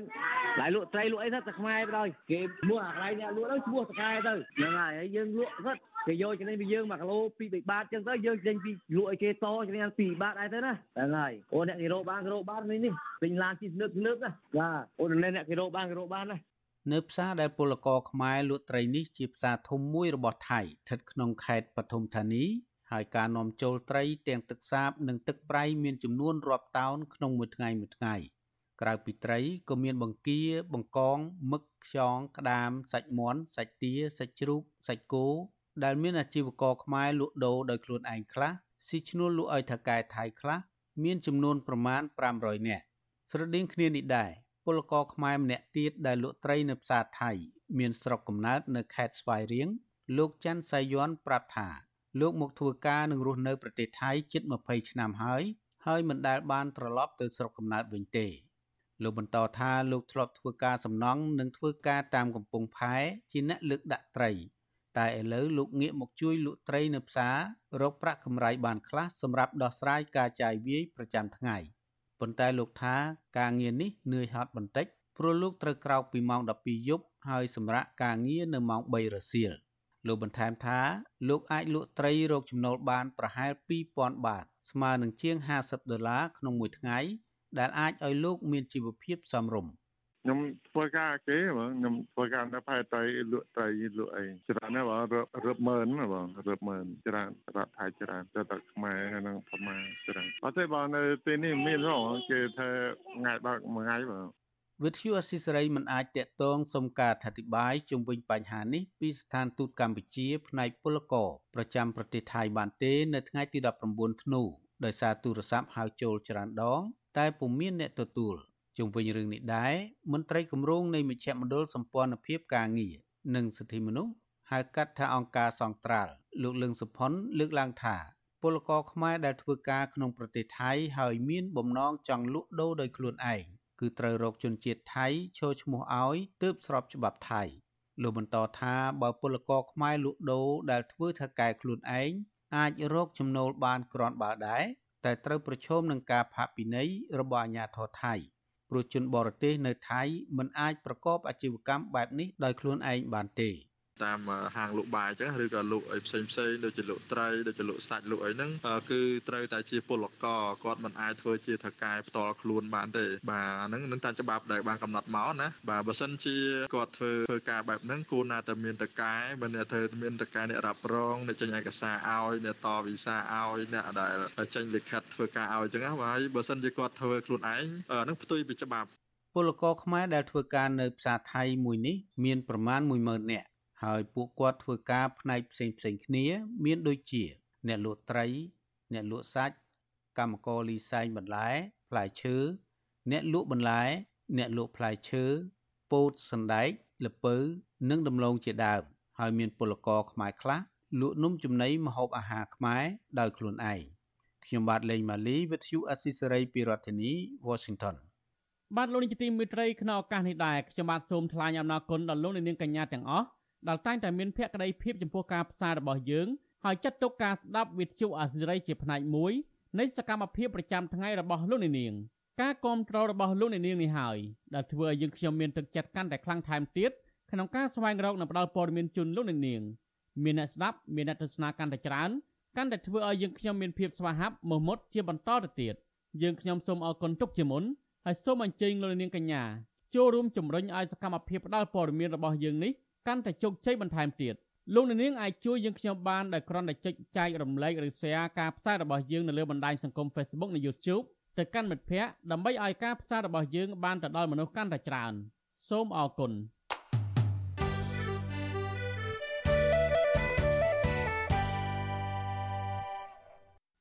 បាទលោកនាយកទីមេត្រីតទៅនឹងបរដ្ឋខ្មែរកម្ពុជាក្រមដែលកំពុងតែរងទុក្ខបុកម្នេញពីរដ្ឋាភិបាលវៀតណាមវិញ សហព័ន្ធខ្មែរកម្ពុជាក្រមសោកស្ដាយដល់រដ្ឋាភិបាលវៀតណាមបន្តបដិសេធរបាយការណ៍នៃការរំលោភសិទ្ធិសាសនាលើបរតវៀតណាមជាពិសេសជនជាតិដើមខ្មែរកម្ពុជាក្រមដែលកំពុងតែរស់នៅលើទឹកដីកំណើតរបស់ខ្លួនប្រតិកម្មរបស់សហព័ន្ធខ្មែរកម្ពុជាក្រមនេះធ្វើឡើងបន្ទាប់ពីក្រសួងការបរទេសវៀតណាមបានទាត់ចោលរបាយការណ៍របស់ក្រសួងការបរទេសអាមេរិកដែលរកឃើញថា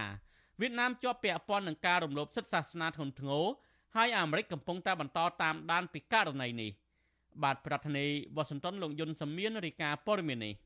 សហព័ន្ធខ្មែរកម្ពុជាក្រោមស្នើឲ្យវៀតណាមងាកមកគោរពសិទ្ធិសាសនា ជាជាងដោះសារមិនទទួលស្គាល់ចំពោះទង្វើរបស់ខ្លួន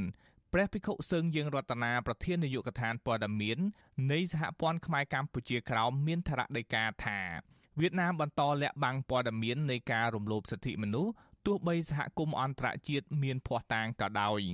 រដ្ឋាភិបាលកុម្មុយនីសវៀតណាមនៅតែព្យាយាមលាក់បាំងនៅអំពើទុច្ចរិតរបស់ខ្លួនក្នុងការរំលោភសិទ្ធិមនុស្សនិងសេរីភាពជំនឿសាសនានៅក្នុងប្រទេសវៀតណាមប៉ជាពិសេសគឺព្រះពុទ្ធសាសនាគណៈថេរវាទរបស់ខ្មែរក្រមនៅលើទឹកដីកម្ពុជាក្រមសហរដ្ឋអាមេរិកមានផតតាង មានស័ក្តិសិទ្ធិនិងមន្ត្រីសហរដ្ឋអាមេរិកផ្នែកសេរីភាពជំនឿសាសនា បានចុះទៅជួបសកម្មជនអ្នកប្រតិបត្តិ សាសនានិងព្រះពុទ្ធសាសនា ក្នុងនោះមានសកម្មជនខ្មែរក្រមជាដើមបានជួបផ្ទាល់នៅក្នុងប្រទេសវៀតណាមប៉ប្រតិកម្មរបស់ព្រះភិក្ខុសឹងយើងរតនានេះកើតឡើងបន្ទាប់ពីមន្ត្រីនាំពាក្យរងនៃក្រសួងការបរទេសវៀតណាមអ្នកស្រីផាមថូហាំងកាលពីសប្តាហ៍មុន បានទាត់ចោលរបាយការណ៍របស់ក្រសួងការបរទេសអាមេរិកដែលរកឃើញថាវៀតណាមបានពាក់ព័ន្ធការរំលោភសិទ្ធិសាសនាធ្ងន់ធ្ងរ សហរដ្ឋអាមេរិកកាលពីដើមខែធ្នូបានដាក់ប្រទេសវៀតណាមក្នុងបញ្ជីឃ្លាំមើលជាប្រទេសចូលរួមឬការធ្វើឲ្យមានការរំលោភសិទ្ធិសេរីភាពសាសនាធ្ងន់ធ្ងរទោះបីជាយ៉ាងណាសហរដ្ឋអាមេរិកមិនទាន់ដាក់ប្រទេសវៀតណាមក្នុងក្រុមប្រទេសមានក្តីបារម្ភនៃការរំលោភសិទ្ធិសាសនាធ្ងន់ធ្ងរនៅឡើយទេបច្ចុប្បន្ននេះសហរដ្ឋអាមេរិកបន្តឃ្លាំមើលស្ថានភាពសេរីភាពសាសនានៅវៀតណាមនៅឡើយរដ្ឋមន្ត្រីក្រសួងការបរទេសសហរដ្ឋអាមេរិក លោក Anthony Blinken មានប្រសាសន៍កាលពីថ្ងៃទី2ធ្នូនៅពេលដាក់ប្រទេសវៀតណាមក្នុងបញ្ជីតាមដានថានៅជុំវិញពិភពលោកនេះមានរដ្ឋាភិបាល និងក្រុមខ្លះបានគំរាមកំហែងចាប់មនុស្សដាក់ពន្ធនាគារឬសម្លាប់ដោយសារតែជំនឿសាសនារបស់បុគ្គលនោះ លោកបន្តថាមានករណីខ្លះ រដ្ឋាភិបាលនៃប្រទេសខ្លះបានបំបិទសិទ្ធិសេរីភាពសាសនា ឬជំនឿដើម្បីផលប្រយោជន៍នយោបាយកត្តានេះបានបណ្ដាលឲ្យមានការបែងចែកដោយឈឺចាប់បង្កផលប៉ះពាល់ដល់ស្ថិរភាពសេដ្ឋកិច្ចនិងគំរាមកំហែងដល់ស្ថិរភាពនយោបាយនិងសន្តិភាពលោក Anthony Blinken ថាសហរដ្ឋអាមេរិកមិនឈរអោបដៃមើលការរំលោភបំពានទាំងនេះទេចាប់តាំងពីឆ្នាំ2018មក រដ្ឋាភិបាលវៀតណាមបានឲ្យអាជ្ញាធរតាមដានវិហារសាសនាដែលមានឫសគល់ពីប្រទេសកូរ៉េខាងត្បូងដោយឡែកសហព័ន្ធខ្មែរកម្ពុជាក្រោមក៏រកឃើញថាអាញាធរវៀតណាមបានរដ្ឋបិទការប្រតិបត្តិសាសនា របស់ខ្មែរកម្ពុជាក្រោមផងដែរការរំលោភបំពានទាំងនោះរួមមាន កាលពីចុងខែវិច្ឆិកាអាញាធរវៀតណាមបានហាមឃាត់ប្រសង់ខ្មែរក្រោមមិនឲ្យនិមន្តបិណ្ឌបាតដោយប្រើម៉ូតូកង់3 ពួកគេបានចាប់និងរឹបអូសម៉ូតូកង់3ដែលប្រសង់ខ្មែរក្រោមប្រើប្រាស់ជាមធ្យោបាយសម្រាប់ព្រះសង្ឃគង់នៅវត្តមង្គលបុរីទ្រនំសេកនិមន្តបិណ្ឌបាត និងទេសនាតាមផ្ទះពលរដ្ឋកាលពីខែមីនាព្រះសង្ឃនិងពុទ្ធបរិស័ទខ្មែរក្រោមបានលើកគ្នាតវ៉ាប្រឆាំងអាញាធរវៀតណាមខេត្តលង្ហោដែលប៉ុនប៉ងកាប់យកដើមកុកីដែលមានអាយុជាង700ឆ្នាំដែលជាគេដំណើររបស់វត្តមង្គលបុរីទនំសេក អាញាធរវៀតណាមនៅខេត្តលង្ហោនេះកាលពីខែតុលាក៏បាននាំគ្នាទៅបំផ្លាញទីតាំងសាលាឆទានរបស់ពលរដ្ឋខ្មែរក្រោមមួយកន្លែង នៅឃុំកំពង់ស្រុកប្រាសាទថ្មីខេត្តលង្ហោដែលបានសាងសង់កាលពីដើមឆ្នាំ2021 ពាក់ព័ន្ធទៅនឹងរឿងនេះប្រធានគណៈកម្មការទទួលបន្ទុកសេរីភាពសាសនាអន្តរជាតិសហរដ្ឋអាមេរិកលោក Frederick Davy កាលពីពេលថ្មីថ្មីនេះបានស្នើដល់រដ្ឋាភិបាលវៀតណាមឲ្យបញ្ឈប់ការព្យាយាមទៅវាយបំផ្លាញសាលាឆទានរបស់ពលរដ្ឋខ្មែរក្រោមពាក់ព័ន្ធទៅនឹងការរំលោភសិទ្ធិសាសនានេះអ្នកស្រីផាមធូហាំងប្រាប់អ្នកសារព័ត៌មានថារបាយការណ៍របស់សហរដ្ឋអាមេរិកជារបាយការណ៍មិនត្រឹមត្រូវនិងលំអៀង អ្នកស្រីបន្តថាវៀតណាមបានត្រៀមខ្លួនជាស្រេចហើយក្នុងការជជែកនឹងសហរដ្ឋអាមេរិកដោយស្មោះត្រង់និងបើកចំហដើម្បីលើកដំកើងទំនាក់ទំនងជាទ្វេភាគីទោះបីជាយ៉ាងណាព្រះភិក្ខុសឹងយើងរតនាសំណុំពរឲ្យវៀតណាមត្រូវគោរពសិទ្ធិសាសនារបស់ជនជាតិដើម ជាពិសេសខ្មែរក្រោមដែលកំពុងរស់នៅលើទឹកដីកំណើត បសហព័ន្ធខ្មែរកម្ពុជាក្រមសូមអំពាវនាវដល់រដ្ឋាភិបាលសហរដ្ឋអាមេរិកបត្រូវតែតាមដាននៅសកម្មភាព និងទង្វើរបស់រដ្ឋាភិបាលកុម្មុយនីសវៀតណាម ក្នុងការគោរពសិទ្ធិមនុស្សនិងសេរីភាពជំនឿសាសនានៅក្នុងប្រទេសវៀតណាមរដ្ឋាភិបាលកុម្មុយនីសវៀតណាមត្រូវតែគោរពសិទ្ធិចំពោះបរតខ្មែរក្រមដែលប្រតិបត្តិព្រះពុទ្ធសាសនានៅដែនដីកម្ពុជាក្រម របាយការណ៍សេរីភាពសាសនារបស់ក្រសួងការបរទេសសហរដ្ឋអាមេរិកសម្រាប់ឆ្នាំ2021ផ្សាយកាលពីខែមិថុនាសរសេរថារដ្ឋធម្មនុញ្ញវៀតណាមអនុញ្ញាតឲ្យពលរដ្ឋមានសិទ្ធិជ្រើសរើសជំនឿនិងសាសនាប៉ុន្តែច្បាប់វៀតណាមក៏អនុញ្ញាតឲ្យអាជ្ញាធរដាក់កំហិតលើការប្រតិបត្តិសេរីភាពសាសនាដោយសំអាងលើបញ្ហាសន្តិសុខជាតិនិងរបៀបរៀបរយសង្គម របាយការណ៍ឲ្យដឹងថាមេដឹកនាំសាសនាដែលវៀតណាមមិនទទួលស្គាល់តែងតែរងការធ្វើទុកបុកម្នេញ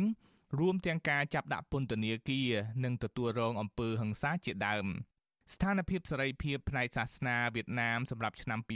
2020និង2019មានលក្ខណៈស្រដៀងគ្នាដែរគឺរដ្ឋាភិបាលវៀតណាមនៅតែសកម្មក្នុងការធ្វើទុកបុកម្នេញផ្នែកសេរីភាពសាសនា លើក្រុមសហគមន៍ជនជាតិដើម រួមមានក្រុមម៉ុងតាញ៉ាជាដើមខ្ញុំយុនសាមៀនវិទ្យុអាស៊ីសេរី ប្រធានាធិបតី Washington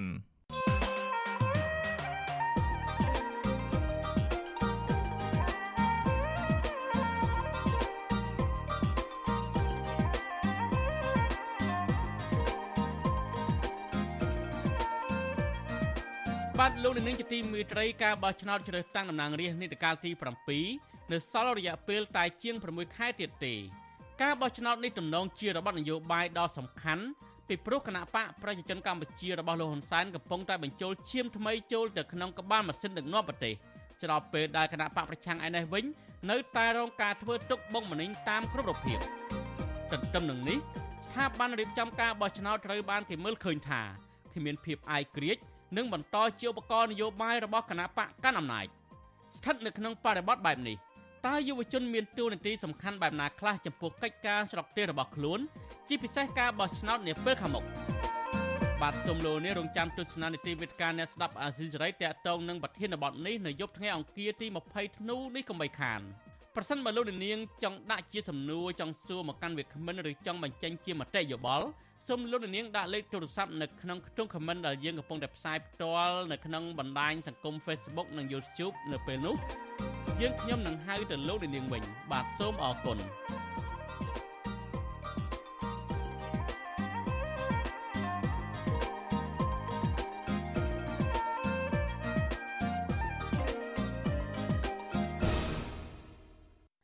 បានលោកទីមេត្រីតកតងនឹងដំណាំកសិកម្មនៅខេត្តបៃលិនឯនេះវិញ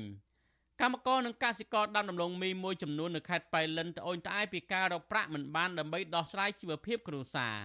មន្ត្រីសង្គមស៊ីវិលថារដ្ឋាភិបាលនិងស្ថាប័នពាក់ព័ន្ធគួរតែមានវិធានការនិងយុទ្ធសាស្ត្រច្បាស់លាស់ក្នុងការជួយដល់វិស័យកសិកម្មទាក់ទងនឹងការទម្លាក់តម្លៃជីតម្លៃប្រេងតម្លៃទំនិញនិងបង្កើតការងារក្នុងស្រុកឲ្យបានច្រើនបើទោះបីជារដ្ឋចំណាយច្រើនឬខាត់បងក៏ដោយ បាទប្រធានាធិបតីវ៉ាស៊ីនតោនលោកជីវតារាយការណ៍ព័ត៌មាននេះកសិករដាំដំឡូងមីមួយចំនួននៅក្រុងប៉ៃលិន សោកស្ដាយដែលរដ្ឋាភិបាលនិងស្ថាប័នពាក់ព័ន្ធគ្មានលទ្ធភាពរកដំណោះស្រាយបញ្ចុះតម្លៃប្រេងនិងតម្លៃទំនិញលើទីផ្សារដែលធ្វើឲ្យកម្មករនិងកសិករលក់ផលិតផលរបស់ខ្លួនគ្មានប្រាក់ចំណេញព្រោះត្រូវចំណាយប្រាក់ទៅវិញគ្មានសល់សម្រាប់ដោះស្រាយជីវភាពគ្រួសារកម្មករស៊ីឈ្នួលដកដំឡូងនៅសង្កាត់បៃលិនម្នាក់សូមមិនបញ្ចេញឈ្មោះប្រវិទ្យុអាស៊ីសេរីថាលោកស្រីរស់នៅជាមួយចៅកំព្រា3នាក់និងសុំដីគេស្នាក់នៅ ទទួលបានប្រាក់ឈ្នួលសពថ្ងៃមិនសមស្របនឹងតម្លៃទំនិញលើទីផ្សារដែលមានតម្លៃខ្ពស់ធ្វើឲ្យលោកស្រីជួបបញ្ហាការចំណាយទៅវិញកាន់តែច្រើនលោកស្រីបន្តថាសពថ្ងៃលោកស្រីនិងចៅចៅរកប្រាក់មួយថ្ងៃសម្រាប់តែអាហារមួយថ្ងៃប៉ុណ្ណោះហើយនៅពេលណាចំណាយច្រើនធ្វើឲ្យលោកស្រីប្រឈមជីវភាពកាន់តែលំបាកពីពលកម្មថ្ងៃនេះយើងទៅធ្វើការបាន25,000ទេហើយចំណាយចំណេញពីថ្ងៃទូ 40ថ្ងៃនេះ1គីឡូតម្លៃធ្វើការមួយថ្ងៃយើងធ្វើការ40ថ្ងៃខ្វះខាតអាយុការហូបចុកយើងជាខំប្រឹងធ្វើទៅមិនគួរយើងវាអត់យើងធ្វើទៅយើងកាន់តែ25000ទៅបានតែ2គីឡូទេថ្ងៃនេះយើងធ្វើការមួយថ្ងៃបាត់ហើយចំណែកកសិករដាំដំឡូងមីនៅក្រុងប៉ៃលិន លោកសុកសឿនលើកឡើងថាលោកដាំដំណាំដំឡូងមីប្រមាណ30ហិកតា ដែលត្រូវចំណាយដើមទុនច្រើន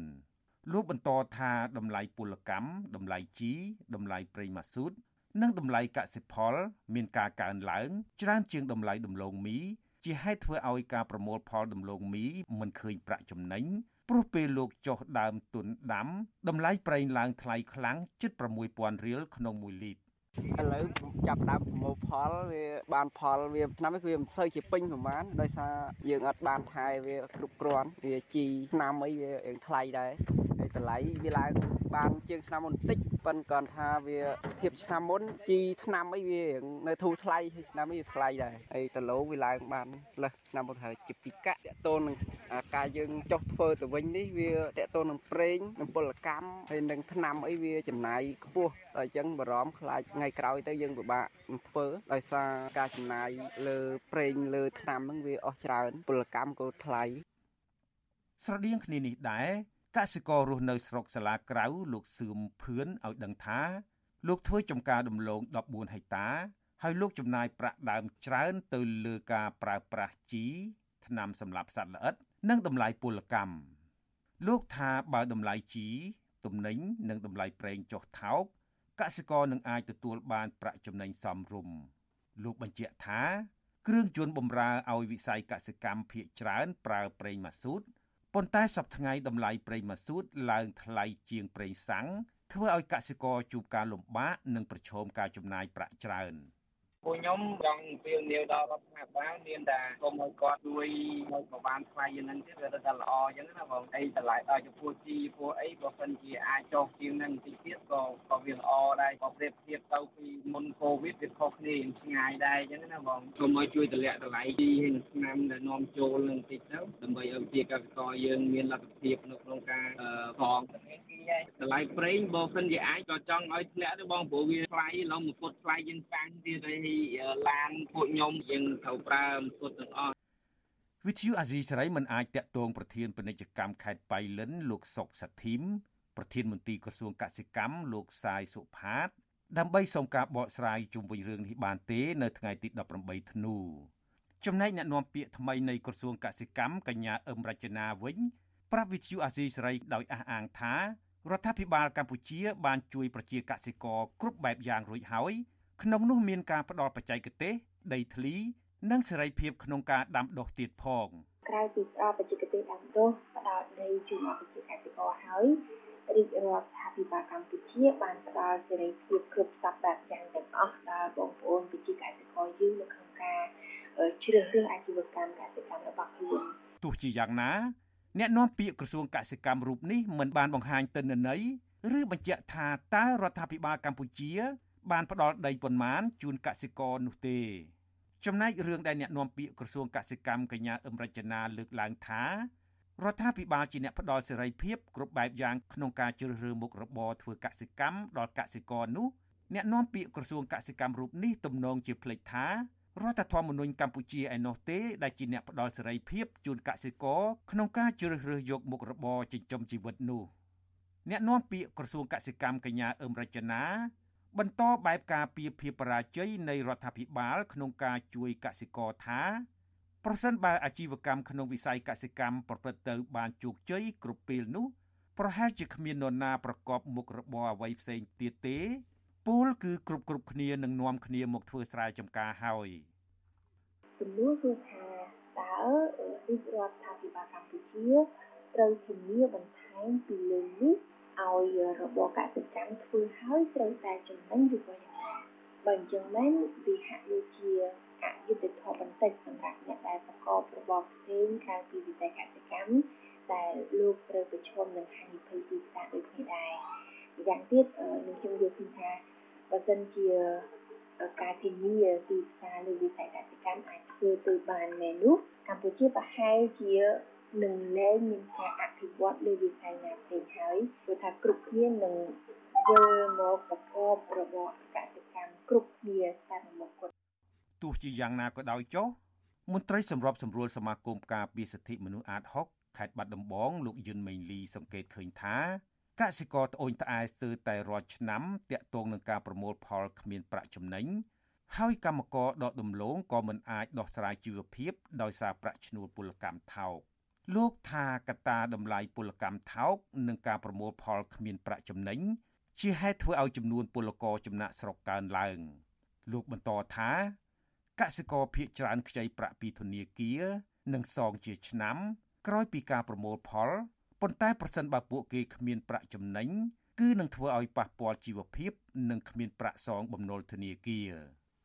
យើងក៏បីធ្វើការប្រៀបធៀបរឿងប្រទេសយើងទៅប្រទេសគេដែរថាតើប្រទេសជិតខាងយើងរដ្ឋាភិបាលគេគេមានគោលនយោបាយយ៉ាងម៉េចក្នុងការជួយទៅដល់កសិករគេ ដើម្បីឲ្យកសិករគេនឹងអាចប្រមូលផលលក់ឲ្យបានចំណេញទៀតហើយគេត្រូវការកម្លាំងពលកម្មថែមទៀតហើយកម្លាំងពលកម្មគេវាបានថ្លៃជាងយើងទៀតប្រទេសយើងជាប្រទេសកសិកម្មខ្ញុំគិតថារដ្ឋាភិបាលក៏បីតែមានគោលនយោបាយមួយសម្រាប់កសិករយើងតាក់ទងងទៅនឹងសម្ភារៈពាក់ព័ន្ធនឹងកសិកម្មត្រូវធ្វើយ៉ាងម៉េចឲ្យអាសម្ភារៈនាំចូលហ្នឹងឲ្យវាមានតម្លៃថោកឧស្សាហកម្មដំឡូងមីនៅកម្ពុជាពឹងផ្អែកទាំងស្រុងលើទីផ្សារព្រំដែនថៃនិងវៀតណាមដែលឈ្មួញកណ្ដាលធ្វើពាណិជ្ជកម្មដំឡូងមីទៅទីផ្សារអន្តរជាតិគិតត្រឹមខែមករាឆ្នាំ2022ក្រសួងកសិកម្មរុក្ខាប្រមាញ់និងនេសាទឲ្យដឹងថា ការនាំចេញដំឡូងមីនិងផលិតផលដំឡូងមីក្នុងឆ្នាំ2021បានជិត3លានតោនក្នុងនោះដំឡូងមីក្រៀមជិត1លាន7សែនតោនកើនឡើង8.45%បើធៀបនឹងឆ្នាំ2020ចំណែកដំឡូងមីស្រស់បាននាំចេញជាង1លានតោនកើន52.6%និងម្សៅមីជាង30000តោនកើនឡើងជិត3%កសិករនិងមន្ត្រីសង្គមស៊ីវិល ទទូចដល់រដ្ឋាភិបាលនិងស្ថាប័នពាក់ព័ន្ធថាគួររកវិធីសាស្ត្រនានាក្នុងការបញ្ចុះតម្លៃប្រេងតម្លៃទំនិញតម្លៃជីនិងថ្នាំកសិកម្មដើម្បីឲ្យតម្លៃចំណាយធ្វើកសិកម្មចុះថោកនិងប្រឹងរកទីផ្សារដែលអាចទិញកសិផលពីកសិករក្នុងតម្លៃសមរម្យដើម្បីឲ្យពលរដ្ឋមានក្តីសង្ឃឹមឡើងវិញតាក់ទងនឹងការធ្វើកសិកម្មដោយមានផែនការគ្មានហានិភ័យនិងមិនខ្វល់ថាគ្មានទីផ្សារ ខ្ញុំជីវិតាអាស៊ីសេរី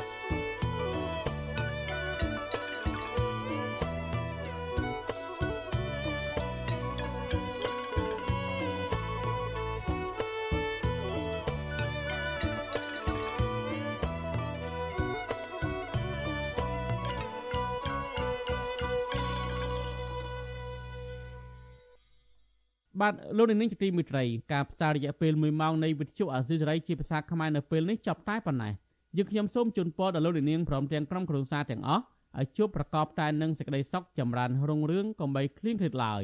ខ្ញុំបាទទីនសាករិយាព្រមទាំងក្រុមការងារទាំងអស់នៃវិទ្យុអាស៊ីសេរីសូមអរគុណនិងសូមជម្រាបលា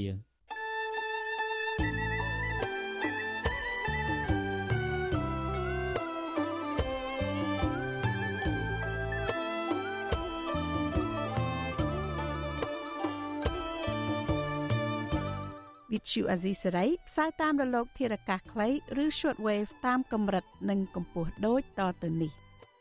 ពេលព្រឹកចាប់ពីម៉ោង5កន្លះដល់ម៉ោង6កន្លះតាមរយៈរលក ធារកាសខ្លី9390 kHz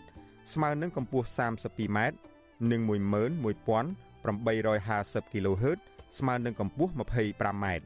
ពេលយប់ចាប់ពីម៉ោង7កន្លះដល់ម៉ោង8កន្លះតាមរយៈរលកធារកាសខ្លី 9390 kHz ស្មើនឹងកម្ពស់ 32m និង15155 kHz ស្មើនឹងកម្ពស់ 20m និង11885 kHz ស្មើនឹងកម្ពស់ 20m លោកអ្នកនាងក៏អាចស្ដាប់ការផ្សាយផ្ទាល់តាមប្រព័ន្ធអ៊ីនធឺណិតដោយចូលទៅកាន់គេហទំព័ររបស់ Vuthu Azisery www.rfa.org/ ខ្មែរ ក្រៅពីនេះលោកអ្នកនាងក៏អាចអាននិងទស្សនាព័ត៌មានវិទ្យុអស៊ីសេរីលើទូរស័ព្ទដៃរបស់លោកអ្នកផ្ទាល់សូមលោកអ្នកនាងចូលទៅកាន់បណ្ដាញសង្គម Facebook ដែលមានអាសយដ្ឋាន www.facebook.com/rfa cambodia និង YouTube www.youtube.com/rfa khmer video សូមលោកអ្នកនាងចុច like និងចុច subscribe ដើម្បីទទួលបានព័ត៌មានថ្មីៗទាន់ហេតុការណ៍ និងទស្សនាវីដេអូផ្សេងៗបានគ្រប់ពេលវេលា។